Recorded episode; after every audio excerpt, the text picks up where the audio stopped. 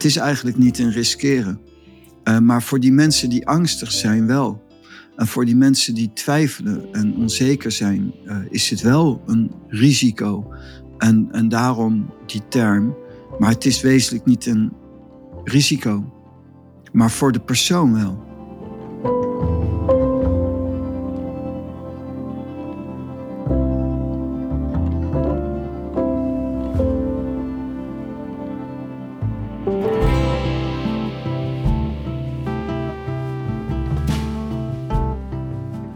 Komt het dat mensen angst hebben om in de diepte te verbinden en te committeren? En dat heeft niet alleen betrekking op relaties waar je dan misschien aan denkt bij verbinding en commitment. Maar dat heeft net zo goed te maken met ondernemerschap en met je devotie aan een strategie of een methode die je kiest voor je bedrijf, maar ook een devotie aan een spirituele beoefening als je het toepast op spiritualiteit bijvoorbeeld. Nou, daarover gaat deze aflevering waarin we een citaat van Osho centraal hebben gesteld, namelijk If you can trust, you can risk. En ik vraag Pranay, waarom is het eigenlijk belangrijk om te riskeren en hoe kom je dan aan het vertrouwen waardoor je bereid bent en in staat bent om de risico's of wat je ervaart als risico te nemen? Ik wens je weer heel veel plezier met luisteren. Pranay. Hoi Sis. Osho zegt: If you can trust, you can risk. Ja, zwaar. En je vraag is waarschijnlijk, wat, wat bedoelt hij daarmee? Nou, kijk, ik heb wel een idee wat hij daarmee bedoelt, maar mhm. jij hebt daar uh, ongetwijfeld ook je eigen uitleg bij. ja. If you trust, you can risk. Het is een, uh, het is een uitspraak die hij maakt in die Osho Upanishad. Naar aanleiding van. Uh, Wat is de Osho Upanishad? Een, een boek, een, een, een serie toespraken. En het is eigenlijk een boek waarin Osho uitlegt. Een, een, een aantal discourses waarin hij vertelt. Zeg maar de, de, de, de leer van Osho. Hoe kom je eigenlijk in een andere vorm van bewustzijn? Hoe kom je eigenlijk uh, in een daadwerkelijke transformatie? En heel kort gezegd vindt het allemaal plaats. Hij noemt zelf aan het begin sitting at the lotus feet of the master. En dan gaat hij op een gegeven moment in een hoofdstuk praten over all love affairs are dangerous. And if you can trust, you can risk. Het is um, het verhaal van je wilt je aansluiten, je wilt iets gaan doen. En dan, zeker bijvoorbeeld in de spiritualiteit, waar we het ook wel over gehad hebben, van het klinkt zo snel sectarisch. Heeft hij het wel goed met je voor? Wat komt er eigenlijk uit voort? En ja, all love are, affairs are dangerous. In de zin, je wordt ook beïnvloed en je moet ook beïnvloed worden. En dat vinden mensen heel eng. En zeker ook in de spiritualiteit zie je heel veel mensen die hoppen van de ene methode naar de andere. En dan is dit weer beter en dan is dat weer net wat beter. En zo gaat dat maar en zo gaat dat maar door. Het is ook op een gegeven moment een kunst om te kunnen zeggen, this is it. Dat noemen ze ook in de spiritualiteit letterlijk. This is it. En dan weet je pas aan het einde van je leven, achteraf kun je pas zeggen van, was dit het nou allemaal waard? Was dit nou allemaal de moeite waard? En hoe ga je dat vertrouwen? But if you trust, you can risk. Er is zoveel loon te verdienen, maar er zijn zo weinig arbeiders. Maar mensen durven niet in te stappen. Mensen verbinden niet. In een bepaalde diepte niet. Waarom niet? Het is eigenlijk heel raar. In deze wereld is heel veel te verdienen. Er zijn heel veel manieren van loon, letterlijk, in, in je business. En ook van binnen. We kunnen zien, mijn voorbeelden, een Osho, maar ook een Dalai Lama, en een Eckhart Tolle, een Thich Nhat Hanh. En als je kijkt naar hun intentie van zijn, er is zoveel te verdienen. Voor mij demonstreren zij dat er zoveel grotere vormen zijn van geluk. En hoe kan het dan, zoals Jezus ook zei, ondertussen meer dan 2000 jaar geleden, er is zoveel loon te verdienen, er zijn zo weinig arbeiders. Mensen geloven het niet. Ze, ze vertrouwen er niet op. Er is iets heel moois. Iedereen kan een Boeddha zijn. Iedereen is een Boeddha, maar onbewust, maar is niet gerealiseerd. En je moet het bewust realiseren. Maar ze vertrouwen niet. Ze ja, hoe? Hoe dan? Is dat ook, denk jij, waarom honderden mensen naar deze podcast luisteren en dan maar een relatief heel klein deel bijvoorbeeld bij ons in de groep komt? Kun je dat zo niet zeggen? Heeft dat met vertrouwen te maken? Ja, dat is iets. Uh, dan, dat is wel mooi dat je dat zegt. Je, noemt, je noemde ook in de marketing de testimonials. Mensen hebben geen idee. En dat is ook um, wat ja, zo sterk... want je zegt, je noemde in de marketing de testimonials. Dan ja. moet je misschien even uitleggen wat je precies bedoelt. Ja, je zat een verhaal te vertellen dat als mensen... Ja, dat was niet in de podcast, hè? Dat was, was buiten niet, de podcast. Ja, dat was buiten de podcast. Ja. ja dat je heel veel opdrachten binnenhaalde op basis van goede testimonials. En toen zei ik nog van. Geen opdrachten, maar klanten, maar ja. Klanten binnenhaalde. Ja. Ah, ja. Ja. Klanten binnenhaalde. En ik herken dat bij Michael Jackson. Die heeft heel veel filmpjes gemaakt met teasers. En in die teasers zie je ook altijd veel fans die flauw vallen, fans die schreeuwen. De effecten van zijn performance. En die effecten, en dus dat loon, waarom zou je dat doen? Die zijn niet zichtbaar. En als dat zichtbaar wordt, dan krijgt het ook veel meer aanhang.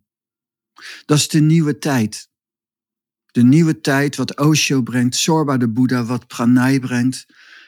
De nieuwe mens, een integratie van innerlijk en uiterlijk succes. Succesvol zijn. De tijd is gekomen. De moderne mystici, die moeten niet zwoegende mensen zijn die lijden, die een loodzwaar kruis op hun schouders dragen, maar die gelukkig zijn. dat innerlijk en uiterlijk spiritualiteit niet per se gekoppeld is aan geen seks, geen geld, geen wereldse dingen, want dan ben je niet spiritueel. De nieuwe mens is een Zorba de Boeddha, innerlijk en uiterlijk rijk en ook die uiterlijke rijkdom met ontslagen van onnodige lasten en innerlijk ook onnodige geboden, ge- en verboden. Onnodige dingen die instanties erbij hebben betrokken. En daarom eigenlijk, het is apart, de mensen het niet zien, de mogelijkheden die er zijn in de wereld. Veel mensen zijn schaapjes en die lopen maar de gevestigde orde achterna. En ook in de spiritualiteit is het net zo triest gesteld eigenlijk. Al die makke schaapjes die, die bij die instanties van geloven zitten en geloofsinstanties zijn of spirituele instanties zijn en maar gewoon mak volgen. En dan, if you trust, you can risk. Die, die tegenstrijdigheid die erin zit. En dat is um, de materie. Dat is interessant. Voor ons, we leven ons product. Ik leef, ik ben de taal. Ik ben eigenlijk, ik zeg wel, ik ben een beoefenaar van de taal, ja. Maar in de kern van mij zit de taal. Ik denk, voel, praat en leef vanuit de taal. Niet vanuit Peti, niet vanuit het uiterlijk, maar vanuit het innerlijk. En daarin ben ik bezig te groeien in persoonlijke macht. Maar als ik zeg ik ben een eenvoudige beoefenaar, bedoel ik niet te zeggen ik ploeter in de wereld en ik hoop dat ik de taal vind. Ik heb de taal gevonden. En die taal is beschikbaar. En die is bereikbaar voor iedereen. En het is eigenlijk, wordt het snel ego genoemd. Ja, maar wie denk jij wel niet dat je bent? Ik, ik ben niemand. Maar ik kan je wel zeggen, ik ben zo gelukkig. Ik heb de taal gevonden. En mijn missie is dat iedereen de taal vindt. Niet voor mij ego, ik ben de grote man. Ik wens iedereen dat ze de taal of God ontdekken in welke vorm dan ook. Bevrijd van onnodige inperkingen in een volheid van innerlijk en uiterlijk. If you trust, you can risk. Dan durf je je te verbinden. Ik heb makkelijk spreken nu. Ik ben al jaren en jaren met Osho bezig. Voor mij is het niet meer een kwestie van trust. Het is mijn ervaring. Het is een realiteit. Het is niet een trust.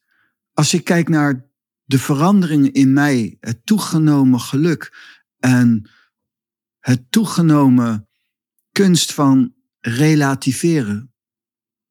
Een, relativerende zijnstoestand hebben naar alles. Dat is niet meer een kwestie van vertrouwen. Ik heb zoveel binnen al. En dat kan iedereen. En dat is mijn missie en onze missie. Mooi. Dank je. Hoe, uh, vertaal je If You Trust You Can Risk naar het ondernemerschap? Hoe zouden mensen in het ondernemerschap meer vertrouwen kunnen vinden, zodat ze meer risico durven nemen? Nou, er zijn natuurlijk heel veel mogelijkheden voor. Ik moet zeggen, de eerste wat dan bij mij binnenkomt als je dat zegt is, je moet je eigen kracht vinden. Je moet jezelf leren kennen en je eigen kracht leren vinden, ontdekken. En daar ook in vertrouwen. En dus niet vertrouwen op uiterlijke omstandigheden, maar vertrouwen op je eigen ondernemerschap. Op je eigen kwaliteiten. Ik gebruik vaak de, het volgende als ik spreek van, maar al zou je mij in Moskou zetten. En het is nu een mooie tijd om dat te gebruiken als beeld. Dan leer ik Russisch en dan bouw ik daar ook een succesvolle onderneming op. Niet op ja, basis alle van... luisteraars denken, ja, maar je kan tegenwoordig het gewoon online doen. Maakt ja, niet uit waar dus, je zit. Laten we zeggen dat het niet online is, maar dat het daar is. Ik kijk niet naar de beperkingen. Ik kijk naar ik heb het vertrouwen in mijn kracht, in mijn persoon en in mijn creativiteit. En voorbij mij, dat is bij mij heel belangrijk. Ik heb ook het vertrouwen in de taal. Ik weet ook dat de juiste dingen, de juiste mensen, mij ook op het juiste moment zullen bereiken. Die ik ook nodig heb. Dus ik denk niet, ik kan alles alleen. Mijn vertrouwen is ook op basis van een heel essentieel onderdeel vanuit de touw. De zelfvoorzienigheid en de voorzienigheid van de taal en van het leven. De zelfvoorzienigheid ook, maar ook de voorzienigheid. Als je echt iets positiefs wilt, heb je het hele bestaan met je. Met je mee. En dat is heel, heel mooi iets. En daar vertrouw ik ook op. Nou, ik denk dat mensen nu denken. Maar ik wilde echt heel graag dit en ik had er echt hele goede bedoelingen mee. En toch, uh, hè, dus of het nou een bedrijf is of een relatie of een huis, een kantoor. Dan zou ik zeggen, are you sure? Weet je dat wel zeker? Waaruit, wat is eigenlijk de werkelijke wortel van je verlangen? Waaruit is die opgebouwd? Misschien zitten daar wat wonden tussen. Misschien zit daar wat verwarring tussen. Misschien zitten daar nog wat beperkte banden. Dus het is ook gekoppeld aan eh, zelfbewustzijn, zelfvoorzienigheid. Ik noem niet per ongeluk bij voorzienigheid ook zelfvoorzienigheid. Een onderdeel van de Dhammapada. Als je het, als je niet op jezelf betrekt, maar dan zonder schuldgevoel, dan kom je er nooit, word je nooit bewust. We kunnen altijd, het is heel makkelijk, iemand zegt jou iets, iemand confronteert jou met iets om het balletje terug te spelen. Mag je doen. Ja, maar dat is niet aan mij. Geen zelfreflectie. Geen probleem. Um, maar dan ga je het niet bereiken. Dan bereik je niet je doelen. Er is een interactie, een participation. En in die interactie heb je een reflectie. En je hebt een reflectie nodig. En als je niet bereid bent om te kijken naar jezelf en jezelf te verbeteren, te veranderen, ga je er nooit komen. Dan kan je heel veel bereiken. Dat zie je bij sommige narcistische leiders of, of grote mensen. Die, die hebben veel bereikt. Die zijn heel intelligent. En je kunt wel veel bereiken. Maar het uiteinde is niet veel. Het is een Pyrrhus-overwinning. Ze hebben veel geld, ze hebben veel macht, ze hebben... maar er is tegelijkertijd niets meer over om van te genieten. Er is niets werkelijks over. Heel veel mensen die vinden en zeggen succesvol te zijn alleen qua business, zie ik eigenlijk diep ongelukkig zijn. In de war. En ik hoop en dat zie ik ook wel, dat er ook heel veel mensen zijn die niet diep ongelukkig zijn, maar heel gelukkig zijn. Maar dan zeg ik nog steeds, het geluk waar mensen naar kijken, dat kan veel dieper. Dat kan veel verder. Er zijn veel grotere vormen van geluk. Er is zoveel loon te verdienen. Dus kort gezegd, die dromen, waar, waarmee mensen genoegen nemen. Daar neem ik helemaal geen genoegen mee. Er zijn veel grotere vormen van geluk. Veel grotere vormen van vrede. Veel grotere vormen van succes. Innerlijk en uiterlijk in harmonie met alle elementen. Een succes wat niet ten koste gaat van je gezin, bijvoorbeeld.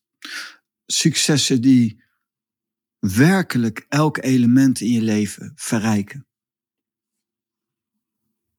Osho heeft ook eh, als voorbeeld in Amerika een stuk woestijn omgebouwd tot een oase. Het is zo mooi als een beeld wat je dan neer kan zetten. In een woestijn een oase creëren. Een, een heel mooi iets, een heel mooi dorp. Dat is ook mijn missie. En dat is eigenlijk ook onze missie.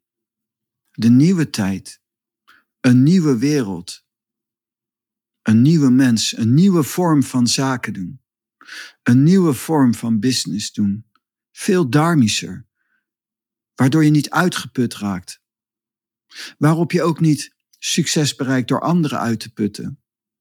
Maar dat iedereen en alles groeit, innerlijk en uiterlijk. De nieuwe tijd. En ook op uh, spiritueel gebied. Ook op het gebied van innerlijk geluk en bewustzijn. Zonder een, een bewustzijnsverruiming, zonder onnodige inperkingen. Zonder onnodige ge- en verboden. Een nieuwe orde. Je ziet het op elk gebied. Pieter Omtzigt, die noemt een nieuw sociaal contract.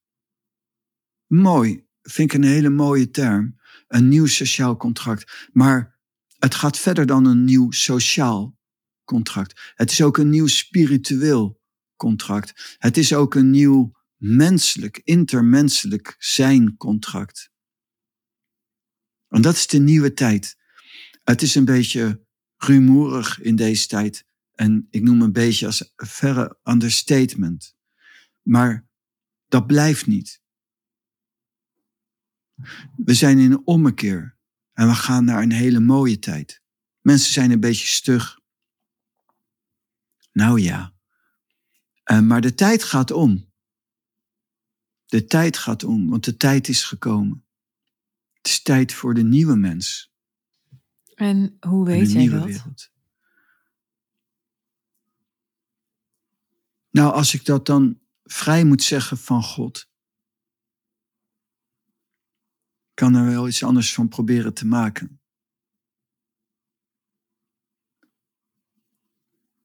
Ik krijg zoveel te horen. Dat is altijd al. Ik heb dat altijd proberen niet te zeggen. Maar dat is wel waar. Pas geleden, een tijdje terug, zat ik thuis en toen kwam God en die zei: Het wordt daar echt hommeles in. Uh, dan komt omdat ik dan denk aan God. En als ik denk aan God, dan gaan mijn gedachten Israël en met de Hamas. En toen zei ik, kan het dan niet anders? Nee, er zal veel bloed vergoten worden. Maar kan het dan niet anders? Nee, het gaat gebeuren. Het is onomkeerbaar. Dat is vlak voordat het allemaal plaatsvindt. Normaal zeg ik dat niet, want je kan het zo makkelijk zeggen. Um, maar wat heb je eraan? Maar dan weet ik al dat het hommeles wordt. En waarom?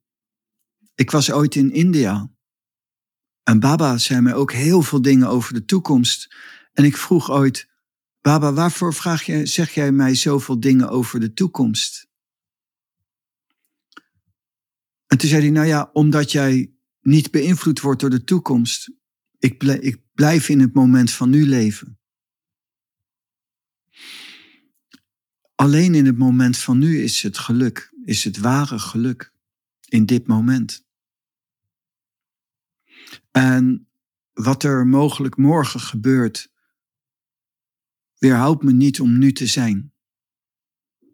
En ja, zelf ben ik me daar niet zo bewust van, maar Baba zei het en daarom zei hij, daarvoor kan ik ook veel tegen je zeggen. Nou ja, en er zullen misschien wat uh, meer redenen zijn, dat, weet ik niet. Mijn taak is, uh, mijn taak is om te delen. Mijn taak is om de taal in de wereld te brengen, God in de wereld te brengen. Mensen bewust te maken van grotere vormen van vreugde en geluk. If you trust, you can risk. Als je echt zou weten hoeveel loon er te verdienen is, dan zou je het doen. Maar je... jij zegt mensen geloven het niet. Nee. Hoe komt dat dat mensen het niet geloven?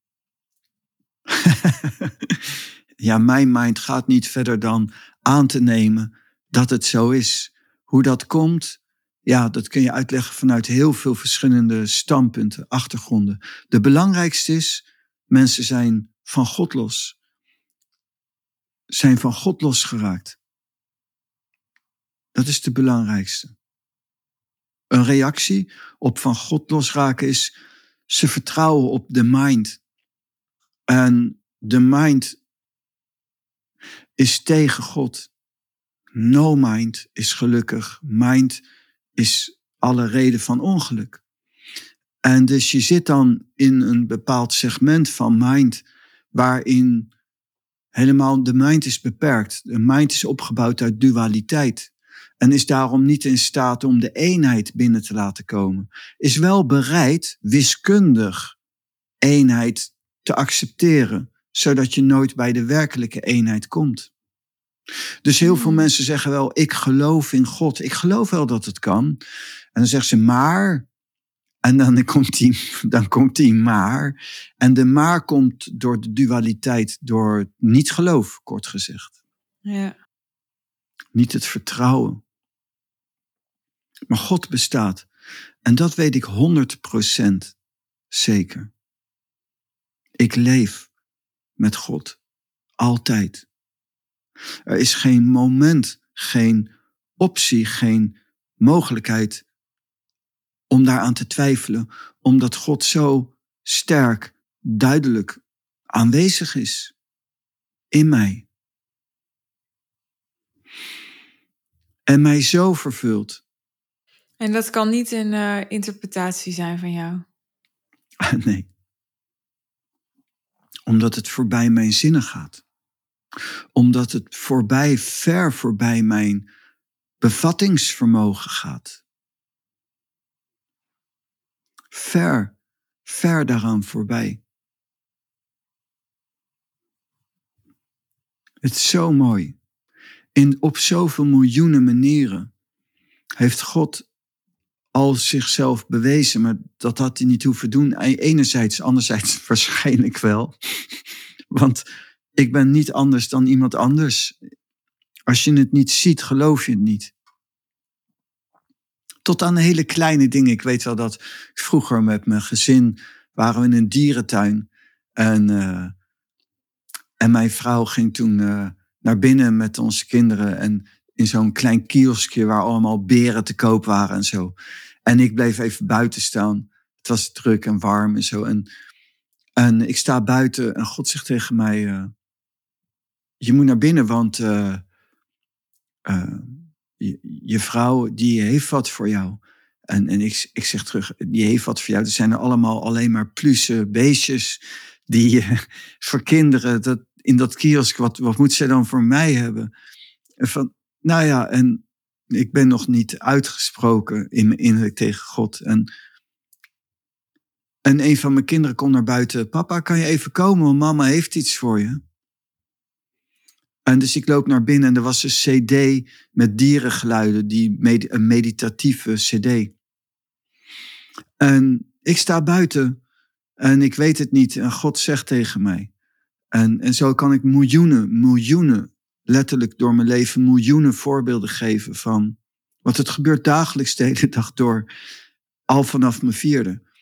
Van God die tegen mij spreekt. Maar, maar voorbij spreken me troost. Voorbij troosten me vervult. Voorbij vervulling me entertaint. En zoveel, op zoveel verschillende lagen. Ja, dan snap ik wel uh, dat je geen vrouw nodig hebt.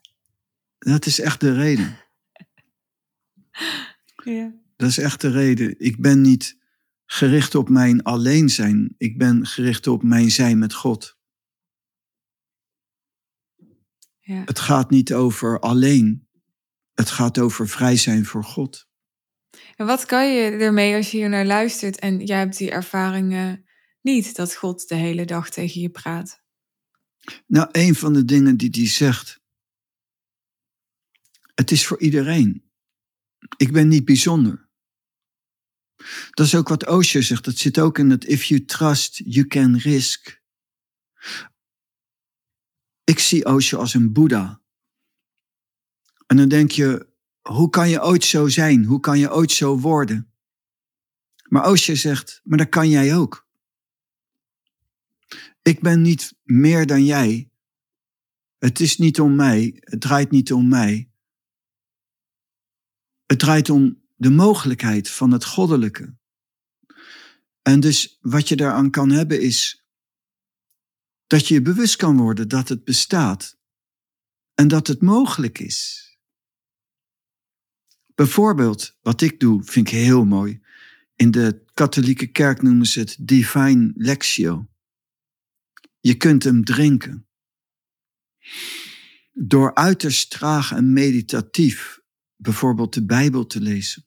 Ik lees dan uiterst traag en meditatief Osho en raak zo stoned als een garnaal. En dat is een hele mooie manier. Mijn voorganger zei, toen ik het boek van niets van Osho in mijn hand had, zei ik, oh, zei ik, ik ga niet de naam van mijn voorganger noemen, um, zei ik, kijk, wat vind je hiervan? Hij pakte het boek in zijn handen, hij begon te lachen. Oh, deze man die schrijft op een bepaalde manier. Hij gaf er ook zelfs een naam aan die ik niet onthouden heb. Hij zegt, als je wilt wat jij wil bereiken, moet je ongeveer 700 boeken meditatief rustig lezen. Het moeten wel de juiste boeken zijn met de juiste energie. En hij noemde eigenlijk Divine Lectio. Eigenlijk is het zo gemakkelijk. Tai noemt het zo, je voedt jezelf met voeding, juiste voeding, en dat gaat eerst in je store consciousness zitten, in je opslagbewustzijn. En je voedt je en je voedt je, en op een gegeven moment, als je ook je laat in bezit nemen, bedwelmen door die energie, dan gaat dat ook in je daily consciousness zijn. En dan krijg je de verandering. En dat vinden mensen eng om zich te laten onderdompelen in bijvoorbeeld een guru of in God. Maar de grap is wel dat de mensen zich wel vol overtuiging laten onderdompelen in samsara, de wereld is dat. En met alle ellende van dien. Hè, mensen zijn bang om een Bijbel te lezen, maar mensen zijn niet bang om te roken. Mensen zijn bang om een Bijbel te lezen, maar zijn niet bang om het nieuws te luisteren. Wat een, een, een bagger baggerinformatie is, waar je eigenlijk helemaal niet blij van wordt. En het is eigenlijk apart en vreemd. Mensen vol overtuiging de meest uh, destructieve relaties aangaan, wat helemaal niet een probleem is. Oneervolle contracten afsluiten in de business, wat allemaal dus blijkbaar niet een probleem is. Maar opeens, opeens bij een guru is het van essentieel belang, omdat er ook nepgoeroes zijn natuurlijk. Ja, ja. Nou ja. Mooi. Dat is mooi. En waarom zou je eigenlijk meer moeten willen riskeren? Is dat omdat je anders dat loon niet verdient? Ja, hij noemt riskeren vanuit afgezet vanuit de angst voor de mensen, van de mensen. Het is eigenlijk niet een riskeren. Het is gebaseerd op iemand die, die is twijfelachtig, die is bang, die, die is onzeker en die denkt, ja, maar wat komt er dan van mij terecht? En het is eigenlijk niet een riskeren, maar het is een riskeren genoemd naar mensen die angstig zijn. Een van de grote vijanden van mensen die op weg gaan naar bewustzijnsverruiming is angst. Het is eigenlijk niet een riskeren, uh, maar voor die mensen die angstig zijn wel. En voor die mensen die twijfelen en onzeker zijn, uh, is het wel een risico. En, en daarom die term. Maar het is wezenlijk niet een risico. Maar voor de persoon wel. Hoe maakt uh, bewustzijnsverruiming je een succesvollere ondernemer? Omdat je namelijk alles wat je doet, ook ondernemen doet vanuit jouw denk wijze. Jouw gevoel en jouw innerlijke karakter en jouw constitutie. En zo ga je dan ook je onderneming leiden en runnen. En dat al die beperkte banden, die reflecteren ook hoe je met je personeel omgaat als je personeel hebt, hoe je omgaat met, met alles en iedereen. En daarom kaatst dat terug. En als dat opener wordt, meer bevrijd raakt van beperkte banden en veel meer vreugde gaat bevatten, gaat alles ook makkelijker, soepeler. En dan loop je ook meer risico's uit de weg. Als je bijvoorbeeld alleen al diep luisteren beoefent vanuit een innerlijke gecentreerdheid, kun je zoveel meer oppakken van mensen. En je kunt jezelf zoveel leed en ellende besparen als je dieper kunt kijken in de ander. Dus je komt problemen bij je personeel sneller tegen. Maar je komt ook de valkuilen in contracten tegen. En je gaat ook voelen, steeds gedetailleerder voelen van, ja, maar die persoon, dat klopt niet. Het is niet consistent. Daar zitten gewoon dingen aan, energetisch, door bepaalde intenties van zijn. Je kunt alles bij elkaar liegen. Maar voor persoonlijke macht heb je heel veel persoonlijke, persoonlijke macht nodig om daarin te faken. Alleen iemand met meer persoonlijke macht dan jij, met meer. Kan jou voor de gek houden. Ja, en anders wordt het heel lastig. Maar dat wil niet zeggen dat, dat iemand die nu tegen jou gelogen heeft, wat jij in eerste instantie niet doorhad, meer persoonlijke macht heeft dan jij, toch? Nee. Dat is iets anders. Ja, want het is ook zo, je werkt niet alles uit. Als je dit zegt, moet ik denken aan een verhaal van een uh, monnik uh, in, in de buurt van uh, Vietnam, een Aziatisch land. En die kwam in een oorlog en, en die werd gevangene. En die werd helemaal gemarteld en alles. En hij wist op een gegeven moment te ontsnappen. En toen waren er mensen die gingen zich over hem ontfermen toen die, toen die ontsnapt was. En die mensen waren zo vriendelijk en kwamen zo oprecht over en hij was zo moe. En toen uh, heeft hij zich gewoon overgegeven aan die mensen. En toen werd hij s'nachts wakker, of een paar uur later wakker gemaakt door de vijand. Ze hadden hem overgeleverd. En hij vertelde ook, ja, ik was gewoon zo moe en ik had niet de moeite genomen om ze te bekijken vanuit zijn uh, hoger bewustzijn. En daarom heb ik het gewoon niet gezien, omdat ik gewoon dacht, dat zit wel goed. En het is ook zo met kleine leugens. Heel veel mensen zitten in roering. En heel veel mensen zijn bezig met pietluttige dingen en heel veel denken. Je gaat niet alles wat je iemand jou bespreekt verifiëren en uitwerken en kijken of het wel klopt. Uh, dat is niet te doen. Dan moet je net zoveel gaan denken. En denken is lijden. Als je, als je denkt op die manier, dan leid je ook. Dat is gekoppeld daaraan. En dus je negeert ook heel veel dingen in die zin van, ja, je neemt een grotere lijn op de achtergrond. En iemand kan je makkelijk voorliegen, tuurlijk. En, maar op de essentiële dingen moeilijker, steeds moeilijker als je verder komt. Dus als ik het goed begrijp, if you can trust, you can risk.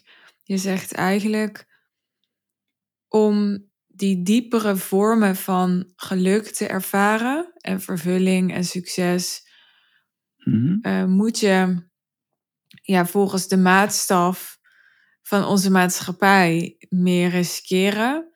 En om meer te kunnen riskeren heb je meer vertrouwen nodig.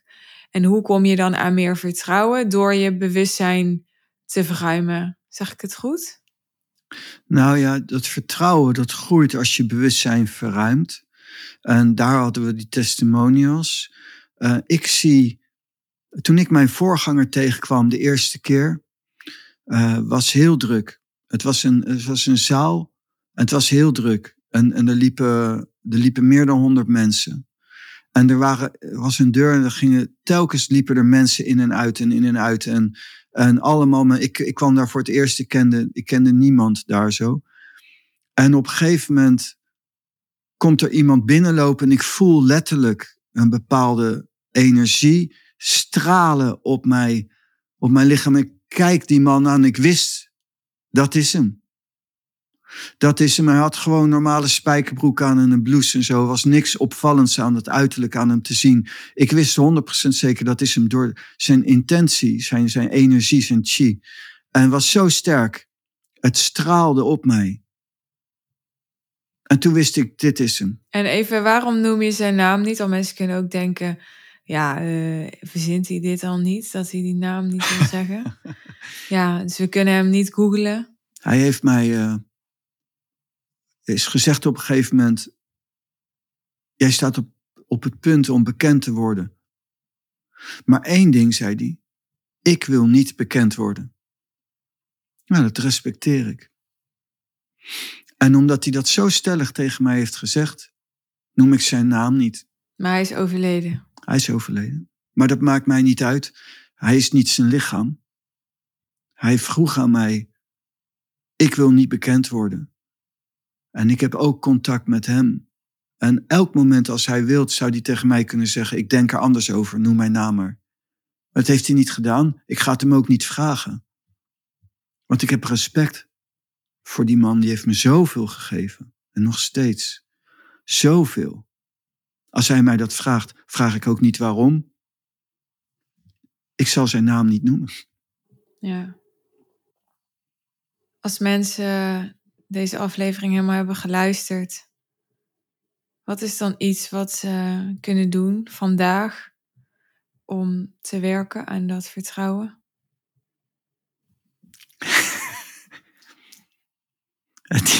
Het, eerste, het eerste wat in me opkomt.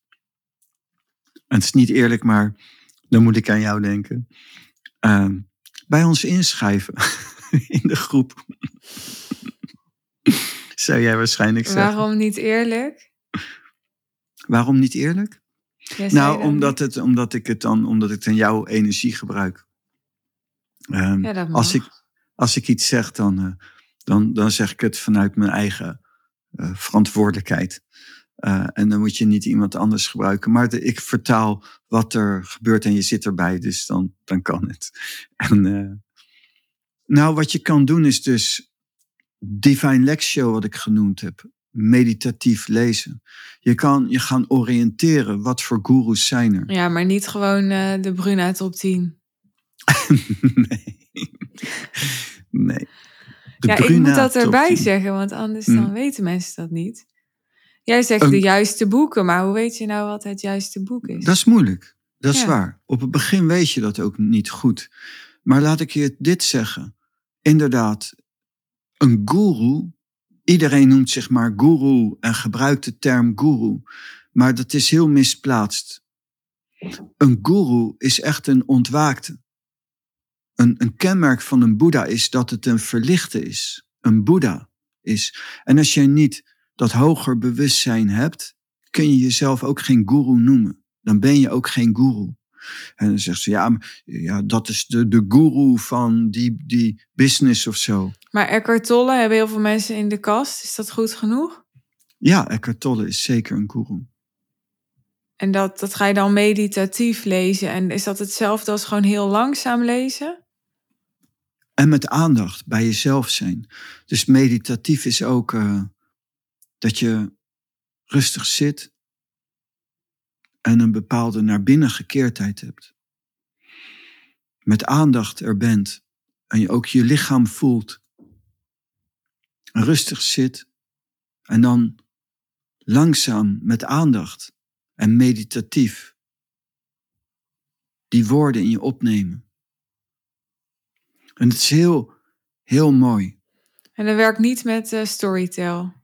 Dat ken je waarschijnlijk niet. Ja, ik, eh, ik herken dat. Ja? Um, ik heb een storyteller uh, aan mijn dochter gegeven. Die vroeg dat een tijdje geleden. En um, ik wil een storyteller. Toen heb ik een storyteller voor gekocht. Ja, maar Storytel is een app. Oh, dan, dan vergis ik me. Ik had een, een, iets, een, een soort uh, e-reader gekocht, wat ook voor mij st Storytel is of zo, waarin je abon daar zit, dat kan je alleen maar doen met een abonnement.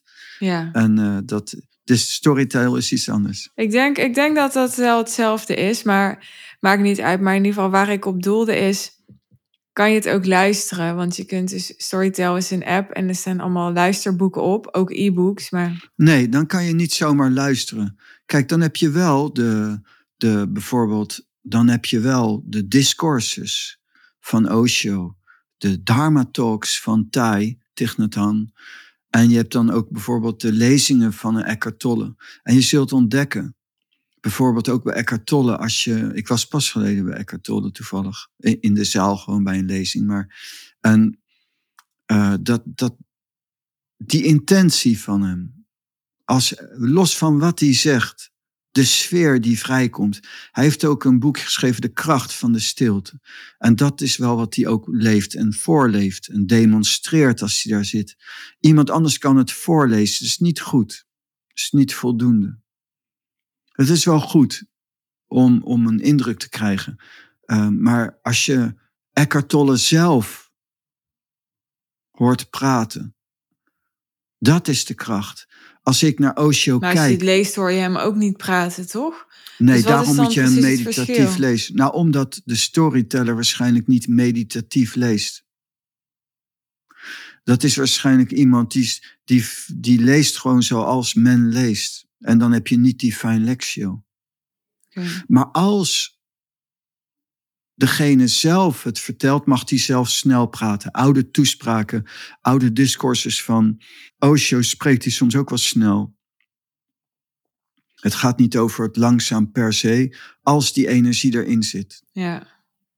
Het gaat over. En door meditatief te lezen, wek je zelf die energie op. Ja, dan, dan kweek je die energie. Dat is het verhaal van een Shravaka. Je leest de juiste boeken, moet, die energie moet erin zitten. Die moet je ook een bepaalde ontvankelijkheid naar krijgen. Sitting at the lotus feet of the master is ook echt dat je ook... Dat is het verschil tussen uh, student en discipel. Zoveel mensen kennen Eckhart Tolle als student. Kennen wel al die meesters wel als student. Maar Osho zegt het zo. En als je dan op een gegeven moment bijvoorbeeld bij mij met Osho en dan lees je Osho en dan luister en kijk ik Osho. En op een gegeven moment word je soort verliefd. Die intentie van Osho, die vind ik zo mooi. De, die in specifieke intentie van zijn. En dan ga je los van wat hij zegt, ga je dat drinken. En dat is niet ongezond, hem op een voetstuk plaatsen. Dat is ontzettend heilzaam. Ik plaats hem op een voetstuk, maar niet ten koste van mij. Ja. Dit is zo'n belangrijke nuance die je hier maakt. Want ik, ik merk gewoon, dat is wat ik heb gezien, dat mensen zoveel weerstand hebben gekregen bij. We mogen mensen niet op een voetstuk plaatsen, want we zijn allemaal gelijk. Ja en nee, we zijn gelijk qua waarde, maar we zijn ook verschillend. En het is zo gaaf om totaal gebiologeerd te raken van iemand. Dat vind ik zo mooi iets. Ik was altijd zo gek van Michael Jackson. En toen kwam ik bij Baba in maar India. geen guru. Nee. Nee, maar om aan te geven dat ik dat principe had. Ja. En toen zei Baba, die zei, als je dat wat je met Michael Jackson doet, met God doet, ben je zo verlicht. Ja. Zo simpel. En dat ben ik gaan doen. Ja. En dat is voor mij Osho, is mijn guru. En dan drink je hem en dan ga je gewoon zijn intentie van zijn, ga je drinken. En dan raak je vervuld. En dan kom je in een andere dimensie als het ware terecht. En dat is dan ben je niet meer een discipel. Je kunt niet meer spreken over ik ken hem. Zo, ik heb gelezen wat hij heeft te zeggen. Ben je niet meer student bedoel je? Ja, ik ben niet meer een student. Dan ben je een discipel. Ja. ja. En dan raak je bezeten, bedwelmd van hem. Dat en hele dat vindt iedereen zo zijn, eng. dat, ja, dat kennen mensen helemaal niet. Ze kennen helemaal die nuance niet, het verschil niet tussen student en discipel, heb ik het idee. Nee, Nee, absoluut. En dan komt er nog een derde stuk bij, die is heel belangrijk. Als je dat doet en je raakt vol, en je raakt vol, dan ga je in een latere fase ook weer vastlopen. Een ander onderdeel is dat wanneer je vol bent geraakt, moet je delen. Het is heel belangrijk dat je dan ook gaat delen. Je gaat een dramatische expressie geven aan je geluk. Je gaat een dramatische expressie geven aan de vreugde en je liefde voor God. En dat is uh, de kracht.